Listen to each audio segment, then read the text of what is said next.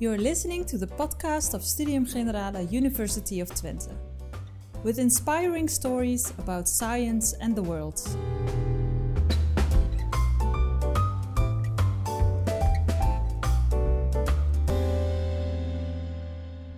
Welcome at this session with philosopher Johnny Søraker. Johnny is going to talk about his favorite philosopher, Rene Descartes.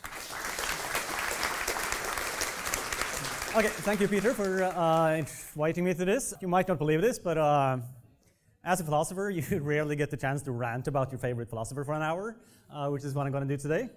That is also a bit of a problem because Descartes really is my favorite. I refer to myself as a Cartesian on occasion, which is a swear word in modern philosophy. I'll try to explain why I still do it. It also means that I have a hard time restricting myself, so I'm going to try to stay on my toes and not to digress too much, but I have a sense that I might have to speed things up a bit towards the end. Um, but I'm going to try to uh, leave some room for questions at the end as well. And please just interrupt me at any time if you want to ask something as we go through this. I'm not a big fan of biographies and so on. Uh, if we are too big fans of biography, we can't read Heidegger or anybody. Uh, so I'm going to give a little bit of background for Descartes because it is a bit important to understand where he's coming from and the tradition he's coming from. He is generally regarded as the father of modern Western philosophy. He was born in La Haye, and to, I'm not even going to try to pronounce that in French because my French is worse than my Dutch. He was born in this town in France, which was actually dubbed after his uh, legacy, so that town is now called Descartes in France. He initially started studying law, but he quite quickly got uh, sick of that. Uh, so, uh, as he puts it himself, he spent the rest of his youth basically just traveling around, trying to gather experiences.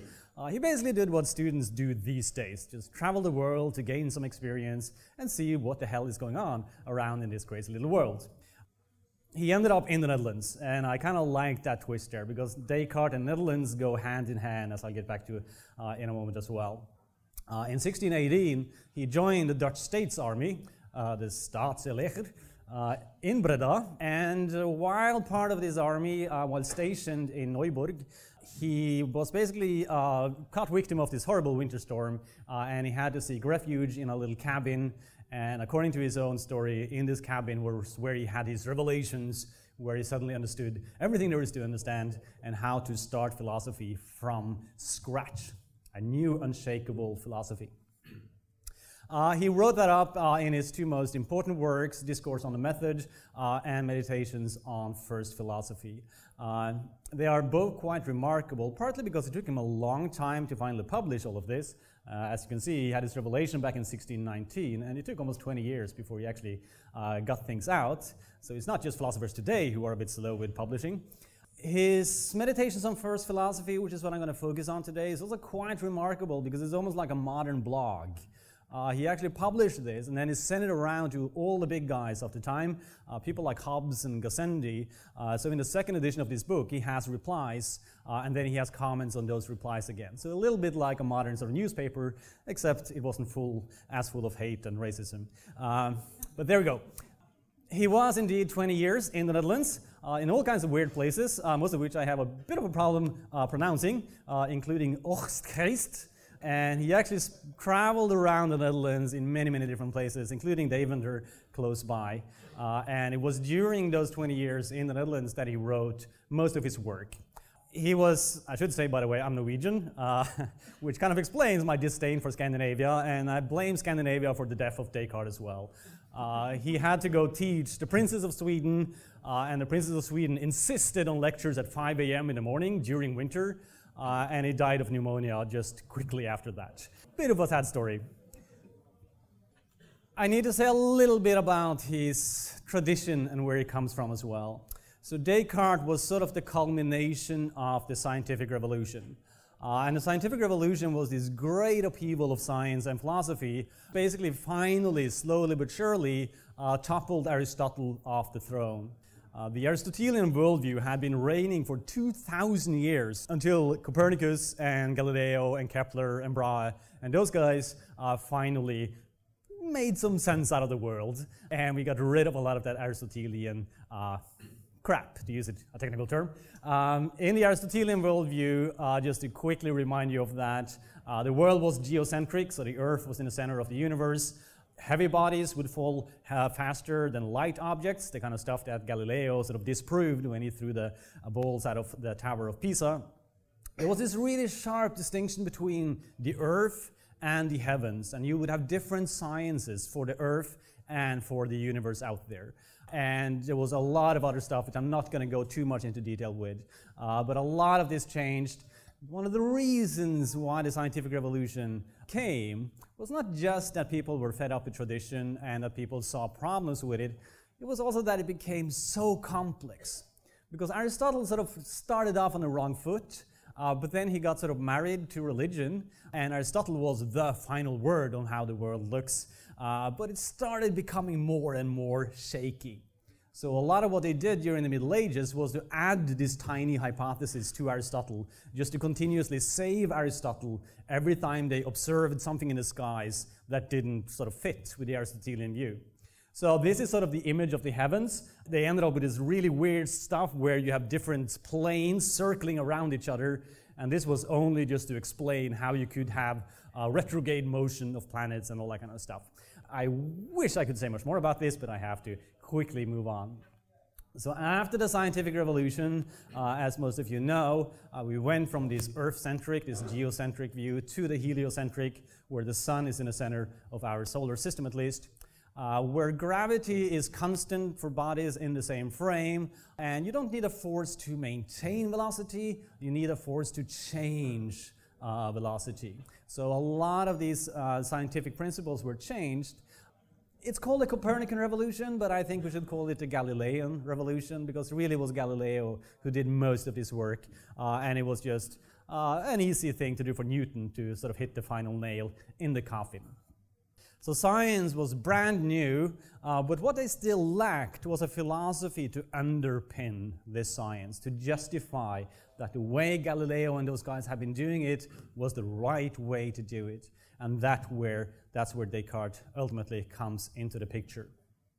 This lecture, this Studium Generale series, is going to be, I'm pretty sure, uh, a lecture about white men through the history of philosophy, because that's pretty much what history of philosophy is about.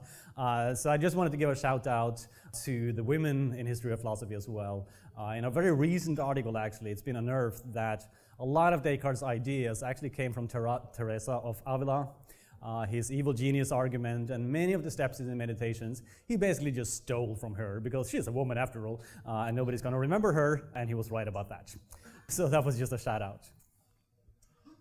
Now I'm going to get to his Cogito ergo sum pretty quickly, but what a lot of people tend to uh, not know about Descartes is that he is also the father of a lot of modern mathematics as well.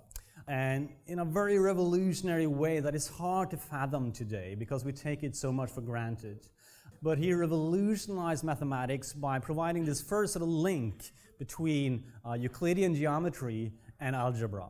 And if you, for the mathematicians in the crowd, you might sort of salute Descartes for this. For those of you who hate mathematics, you might blame Descartes for this. Uh, but if you were struggling with coordinate systems and vectors in high school, Descartes is the man to blame for that. He basically invented the whole notion of having a coordinate system, of placing numbers in that coordinate system, and do uh, mathematics on that basis. He also did quite revolutionary things that, again, we take this for granted today, especially with mathematicians out there, uh, but it was quite sensational for today. Because in Aristotle's view, you cannot take something and divide it into its parts and study the parts and then learn something about the whole thing. That is just a stupid way of doing things. Uh, but Descartes was the one who revolutionized this way of thinking about science. That if you want to understand something complex, you have to take it apart into its constituent parts, study each one of those parts, and then put it all together again and see how it works. Now, this completely radically new way of thinking allowed him to think about things like vectors, for instance. Just the fact that you have a motion and you divide that motion up into an x and a y uh, direction, and then the real motion is the sum of those two, completely revolutionary. Uh, so again, we have Descartes to thank for this, and this is, of course, the foundation of a lot of modern mathematics, of computer graphics, of what have you. Uh, I'm going to get back to this a little bit later as well. He proposed a very famous method, uh, and this method is again, for the engineers in the room, I think you'll recognize this from this sort of reverse engineering way of thinking. I think maybe many of you engineers are here today because as a child, you would take your dad's radio and pick it apart and see how it worked. Uh, and that was sort of the way to do science as well, according to Descartes. First of all, get rid of the things you thought you knew, get rid of tradition, only accept as true that which is clear and distinct, as you put it, which is going to be very important uh, in a little while. After that, don't try to understand the whole system, try to understand the individual components. And then afterwards, you can start putting things together again, and then you really understand what is going on. Once you've taken apart the transistors and so on, that's when you understand how the radio actually works. And talking about radio sort of reveals how old I am, but whatever. He also wanted to apply this method of doubt, this sort of scientific method, to his own philosophy. Can he do the same with philosophy, not just with scientific phenomena? Now, in order to do that, he was very much inspired by Euclid. Uh, if you don't recall Euclid, one of the great things that Euclid did back in the day was that he basically uh, designed geometry from the bottom up. So Euclid would start with something absolutely indubitable, something none of us can doubt. So he would start out simply by defining a point. A point is simply something that doesn't have any extension. That's the definition of a point. And then he went on from there and said, hey, if you have two points, the shortest distance between those two points is a line. And then he went from there and defined what a triangle is, what it means to have parallel lines, and he basically built up all of geometry to the small steps where you cannot doubt the beginning and you cannot doubt any of the transitions as you go through.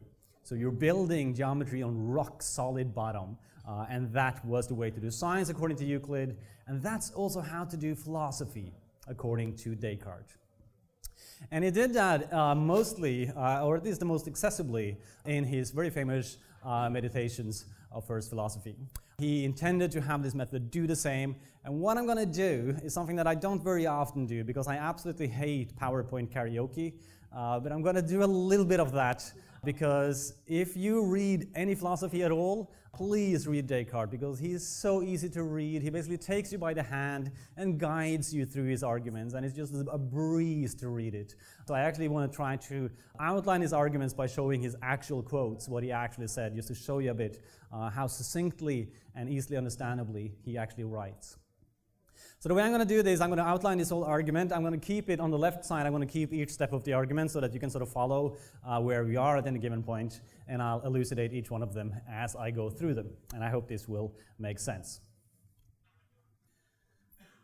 As I said, uh, he wants to get started with something absolutely indubitable, something you cannot doubt at all, something that is as certain as the fact that a point is something that has no extension as secure as Euclid's foundation.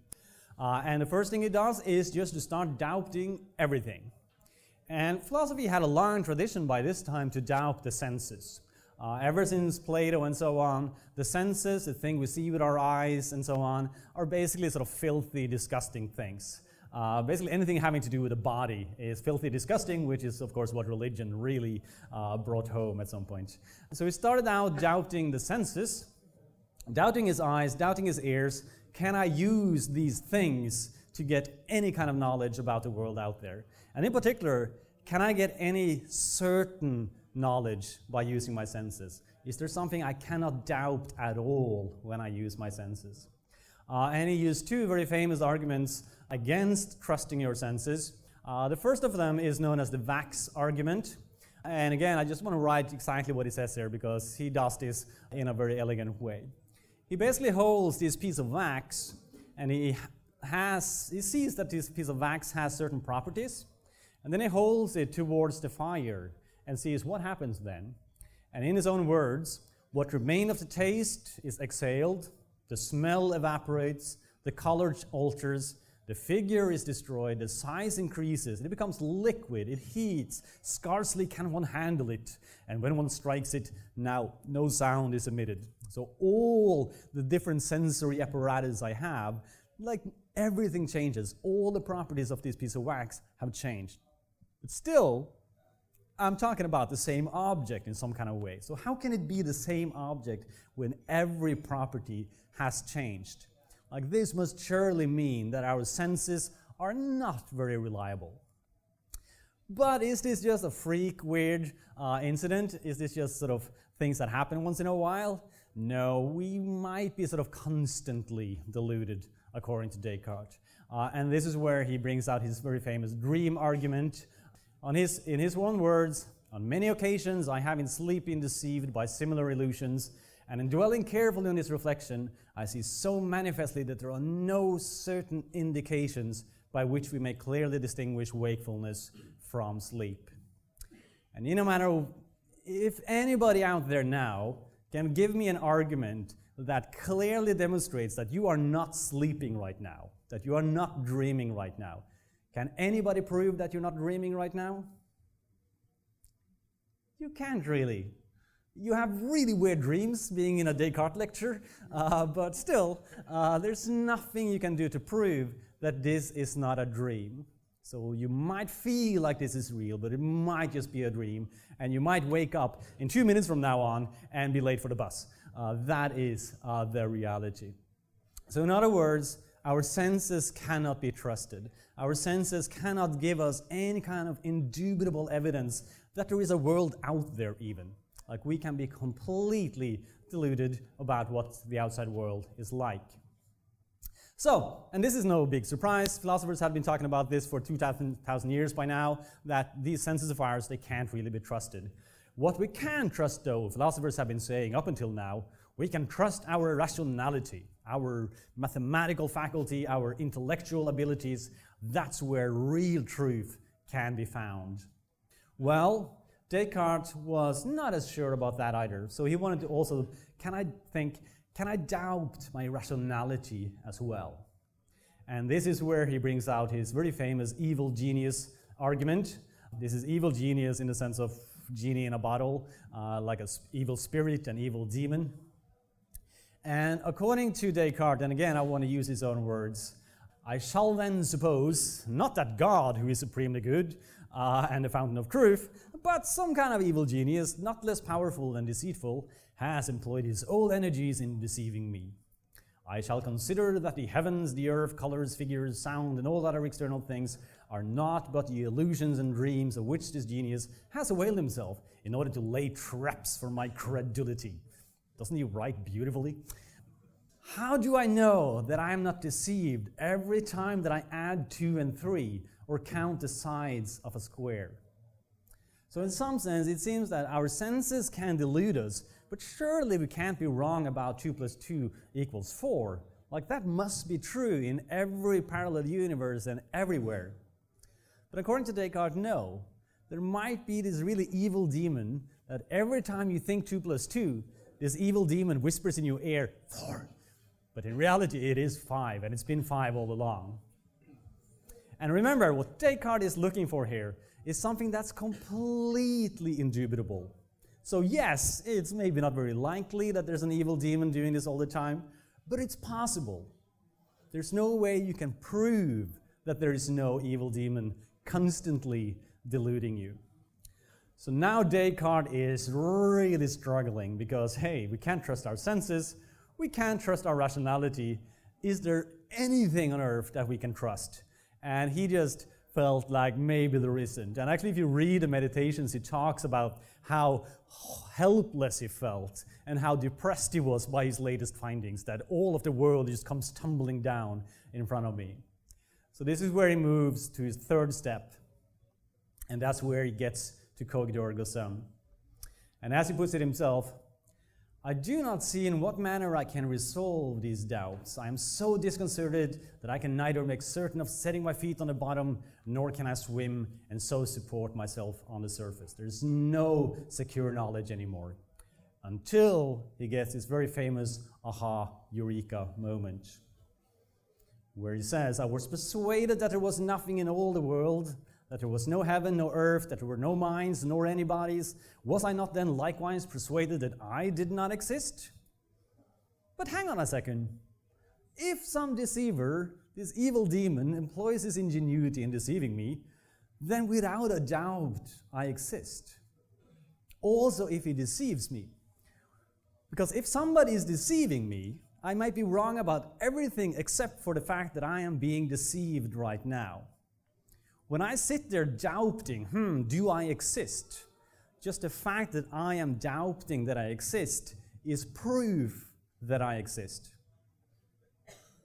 And to this day, with some insane exceptions, but to this day, nobody has been able to come up with, in, in my mind at least, any kind of credible argument against this.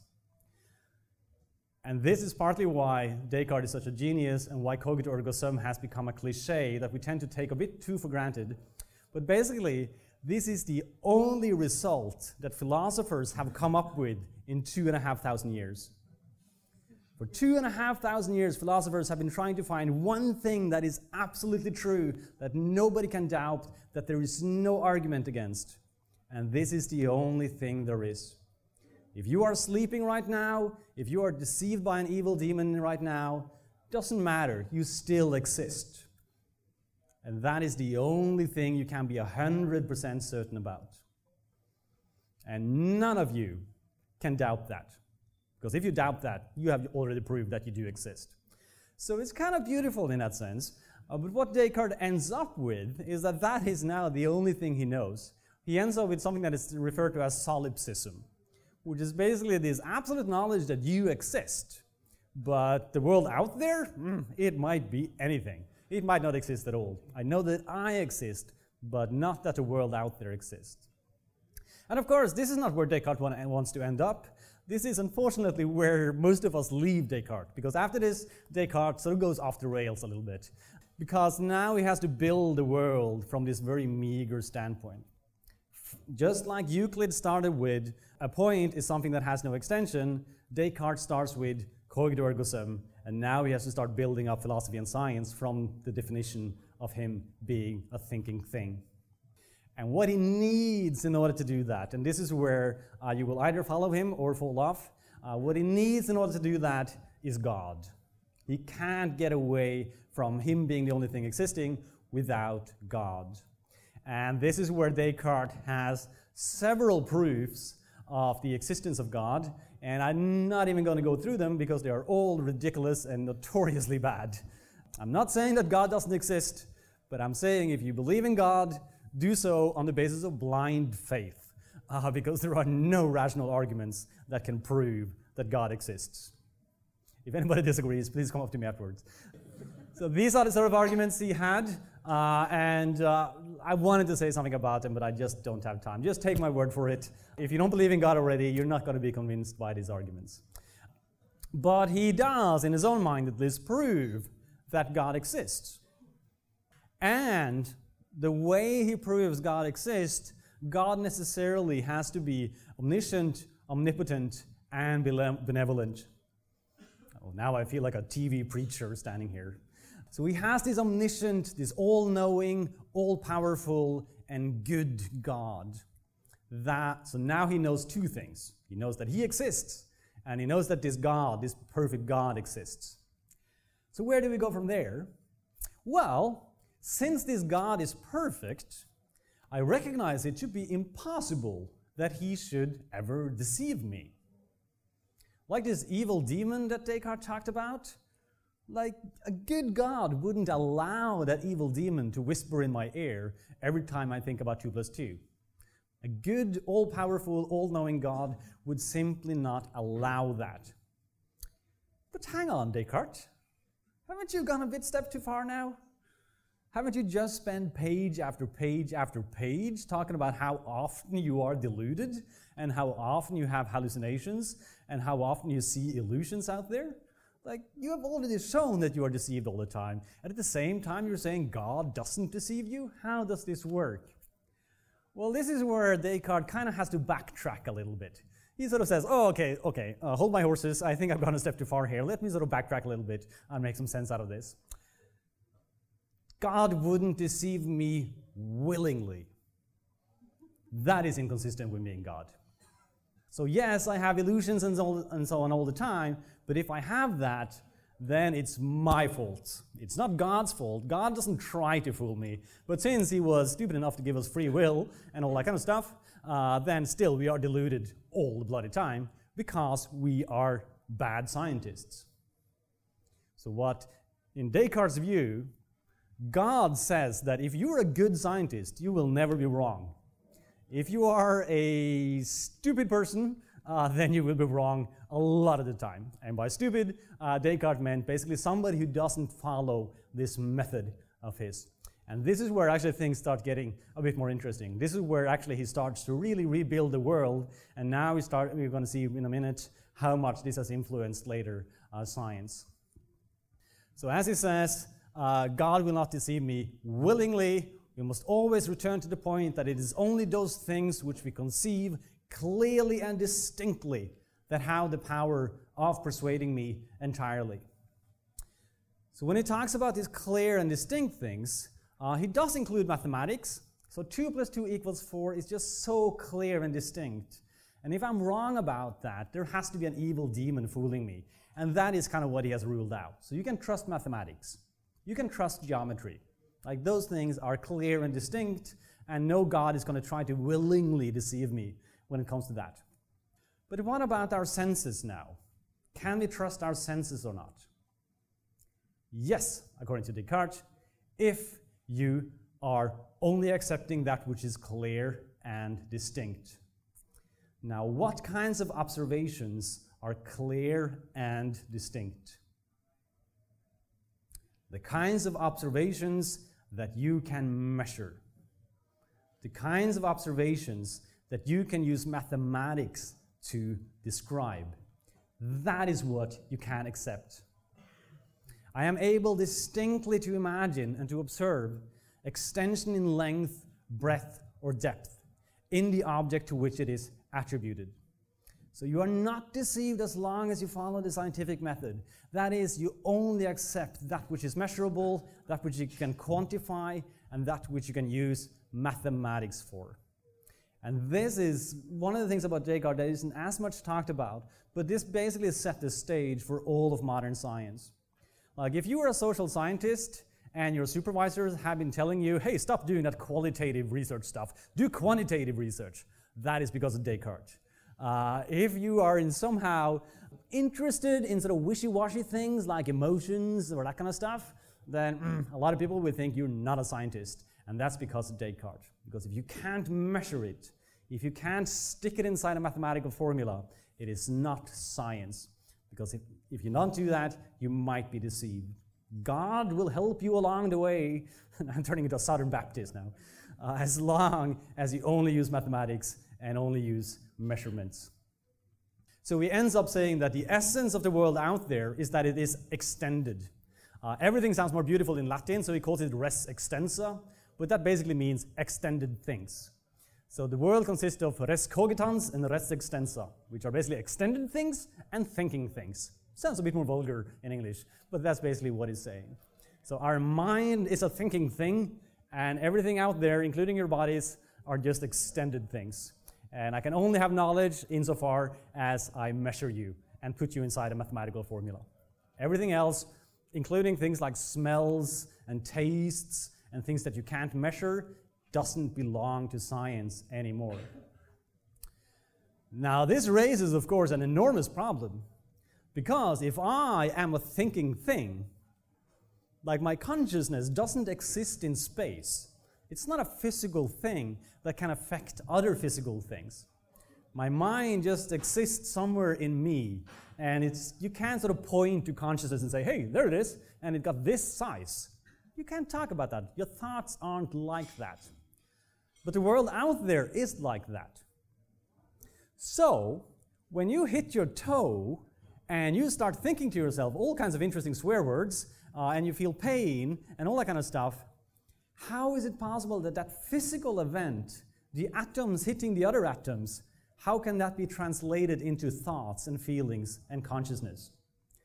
Like Descartes created this problem for us, and again, I want to make the bold statement that nobody has been able to solve this to this very day. We still don't understand how it is possible that is sort of lumpy gray stuff we have up here, how that can give rise to feelings, emotions, thinking, sensations. We still don't know that. You sometimes see headlines in the newspapers and so on that now scientists have understood this, but no, they haven't. Nobody understands this today. This is why we can't do proper artificial intelligence, because we simply don't understand how this machine can give rise to something as fantastic as consciousness. And there's no reverse engineering in the world that can help us understand that. It remains the fundamental problem in neuroscience and artificial intelligence. Now, one is the aftermath of all of this. Well, there's tons of it, and I, now I have to restrict myself a little bit. But this mind body problem is one of the biggest ones, which psychologists and neuroscientists are still grappling with today. And following the success of the scientific revolution, so Galileo and all those guys, they show that we can use mathematics to understand the universe, to understand the laws of nature, uh, and to formalize the laws of nature. And Descartes further laid the philosophical foundation for this. Only that which is measurable is allowed in science. Now, what about the things that we cannot see, but we are still using in science all the time? So, Newton is, of course, famous for really emphasizing gravity and how gravity is necessary in order to sort of have our equations work. But nobody has ever seen gravity. You can't observe gravity. You can observe the effects of gravity, but you cannot see gravity itself. You cannot measure gravity itself. So, how can you allow that in a science where everything has to be measurable? Well, this was actually a big, big, big fight, almost literally, uh, especially sort of back in uh, early 1900s, where uh, this group of logical positivists were really struggling with this question how can we allow gravity and those kinds of things in our science? And they basically said, hmm, we can allow these unobservable things as long as they sort of fit perfectly inside our mathematical formula. As long as we somehow can get numbers that we can fix onto something. We can say that gravity is a constant that is 9.8 meter by second squared, like then you're allowed to use it in science. If you describe gravity in wishy-washy terms, you're not a scientist. But if you put a number on it, then you're allowed to use it even if you can't observe it. But it must come from an equation. It must come from a certain set of operations that lead to a certain number. It must come from sort of an algorithm of some kind of sort. Now, this became sort of the salvation for a lot of wishy washy sciences, uh, and it led to uh, this emphasis on something known as operationalism. And it gets its name precisely from this notion that you have certain operations that allow you to measure something that is not measurable. And for any science that has an inferiority complex, psychology, uh, like a lot of these social sciences want to go, hey, we are real sciences too. No, you're not. You're doing science of the mind. You're talking about emotions and all the kind of stuff that is unobservable. You are not allowed to use that in proper science. But then many psychologists come, oh no, we got numbers, we got numbers, I got this questionnaire, and if somebody fills out this questionnaire, I've got a number at the end of it. I'm doing science as well. So this has basically become the whole trend in social science after this. That yes, you can talk about unobservable things like learning and remembering, and even things like emotions, and quite recently, happiness. A lot of those things you can actually talk about scientifically if and only if you have numbers attached to it. So this is why psychologists are crazy about things like IQ uh, and concepts like subjective well-being, uh, use questionnaires all the time. Uh, if they talk about learning, they tend to talk only about response times and that kind of stuff because there are numbers attached to it. And that is really Descartes' legacy. He determined what we're allowed to do in science up until this very day. Now, cogito sum may still and this is why I love this phrase, and this is why I love Descartes, because I think he's one of the very few philosophers who has come up with something indubitable. And that's what philosophers really want to do. Uh, so we came up with ergo. None of you can doubt it. It's absolutely true, and it's something that we have to build all of science upon. And if I had four more hours, I would now like to talk about Kant, because this is what Kant picks up a little bit later. And I hope there will be a student general lunch lecture later about Kant uh, because Kant basically takes this starting point of Descartes and actually does a bit what Euclid does to figure out if I think, therefore I exist, what can we uh, deduce from that starting point? And Kant deduces space and time and everything that's good. Uh, so uh, I hope you will come back for the Kant lecture at some later point. Uh, and I will restrict myself at that point and I'll let you uh, throw in some questions. Thank you.